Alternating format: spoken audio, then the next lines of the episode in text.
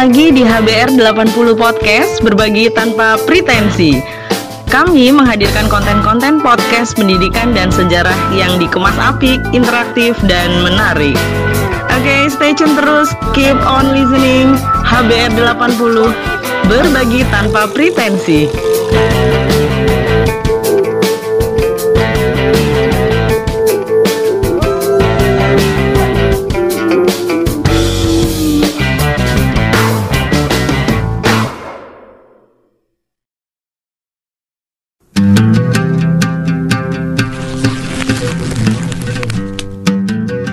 Nusantara telah mempergunakan bahasa Melayu sebagai bahasa pergaulan sejak abad ke-14 yang awalnya dipakai dalam perdagangan. Melaka merupakan awal berkembangnya kesusastraan Melayu. Kepandaian menulis atau ilmu terasul diajarkan, yang merupakan awal dari kepandaian berbahasa dan menjadi bagian penting kebudayaan Melayu. Peradaban Melayu dimulai saat anak-anak kerajaan Lu yang disebut Upu Lima bersaudara yang hendak mencari daerah kekuasaan baru. Upu Lima bersaudara tersebut berlayar mengitari kepulauan Nusantara dan mendarat di Malaka. Di Melaka, Upu Lima bersaudara tersebut menikah dengan anak-anak pejabat teras Kesultanan Melaka dan mendapat daerah kekuasaan di Pulau Tanjung Pinang ke Kepulauan Riau. Puncak ketenaran Riau saat diperintah oleh Raja Haji sebagai yang dipertuan muda Riau IV. Riau menjadi bandar yang maju dari segi ekonomi, militer, dan pusat berkembangnya ilmu pengetahuan. Sehingga banyak didatangi oleh orang dari segala penjuru negeri baik itu yang hendak berdagang maupun yang hendak belajar dan mengajar ilmu agama atau ilmu tulis-menulis. Kegiatan kesusastraan menjadi bagian penting dalam kebudayaan Melayu. Raja Haji merupakan salah satu tokoh Riau yang memiliki kemampuan dalam berbahasa. Dengan kemampuan tersebut, Raja Haji mampu melakukan diplomasi dan bekerja sama dengan raja-raja di Nusantara. Hal ini dianggap pihak VOC bahwa dengan kemampuan tersebut dapat menyatukan kekuatan Nusantara. Maka pada tahun 1782 terjadi pertempuran antara pihak VOC dan pasukan Riau yang dipimpin oleh Raja Haji di Selat Riau. Pada tahun 1784 terjadi pertempuran di Teluk Ketapang. Dalam pertempuran tersebut, Raja Haji tewas tertembak.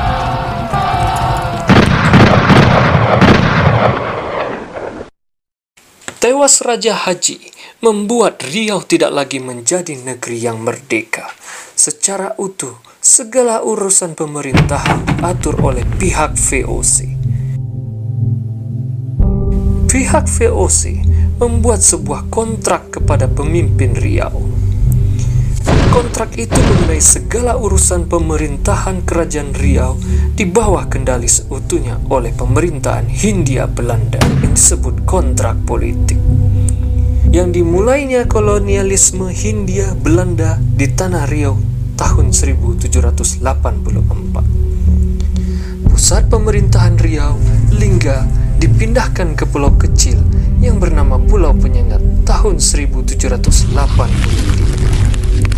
Sejak saat itu, secara mutlak, seorang pemimpin Riau harus memiliki kemampuan berbahasa. Ada satu tokoh putra Riau yang sadar bahwa kolonialisme tidak hanya merampas kemerdekaan rakyat Melayu, tetapi juga merusak tatanan budaya Melayu yang terpancang kokoh pada kesusastraan dan bahasa bernama Raja Ali Haji.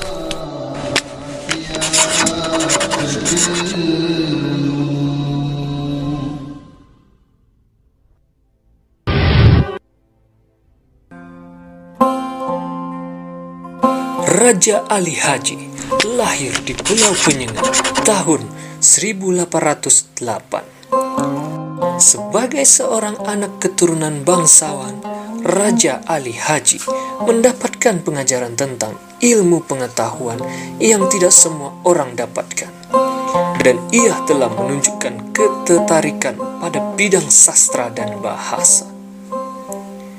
Raja Ali Haji sering diikut sertakan dalam kegiatan diplomasi di Jakarta oleh ayahnya Raja Ahmad membuatnya banyak bertemu dengan para petinggi pemerintahan Hindia Belanda yang mahir dalam berbahasa Melayu. Pada tahun 1830, Raja Ali Haji menunaikan ibadah haji di Mekah. Ia memperdalam ilmu agamanya dan belajar ilmu tasawuf yang akan mempunyai pengaruh besar dalam setiap karya Raja Ali Haji. Di Mekah, Raja Ali Haji menulis karya pertamanya yang berjudul Gurindam 12. Karya ini berisi tentang petuah tentang kehidupan manusia berdasarkan Al-Quran dan ilmu tasawuf. Setelah dua tahun berada di tanah Mekah, Raja Ali Haji kembali ke Riau. Sekembalinya Raja Ali Haji membangun penyengat sehingga menjadi bandar yang ramai dikunjungi oleh orang-orang dari segala penjuru negeri.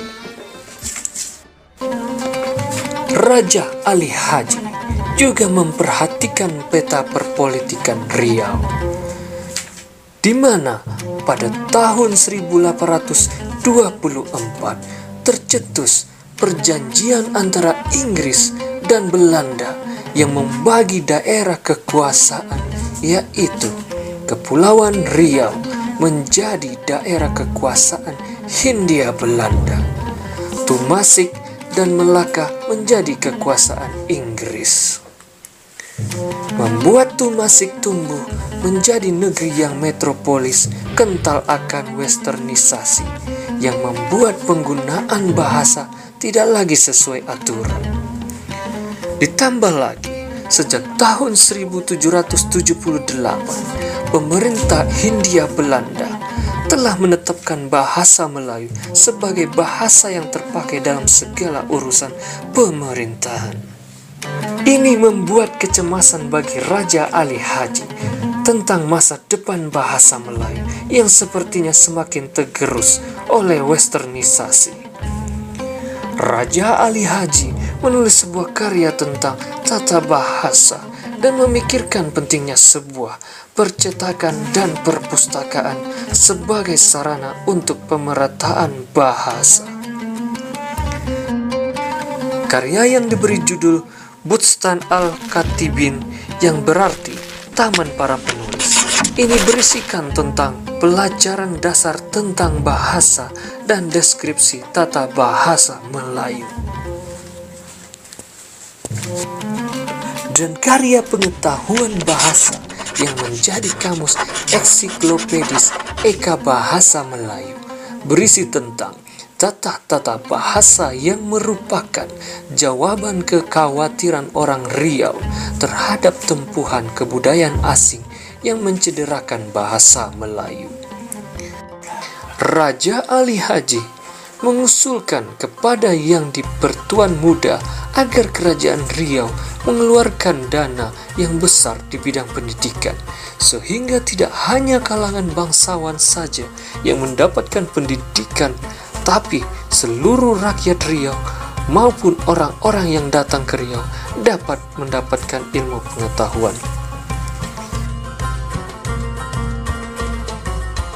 Sampai di akhir hayatnya, Raja Ali Haji sebagai pengendali umat yang mengajarkan kepandaian berbahasa ke seluruh rakyat Riau maupun orang yang datang ke Riau, sehingga banyak lahir sastrawan-sastrawan yang lahir melanjutkan perjuangan Raja Ali Haji dalam pemerataan bahasa di seluruh Nusantara.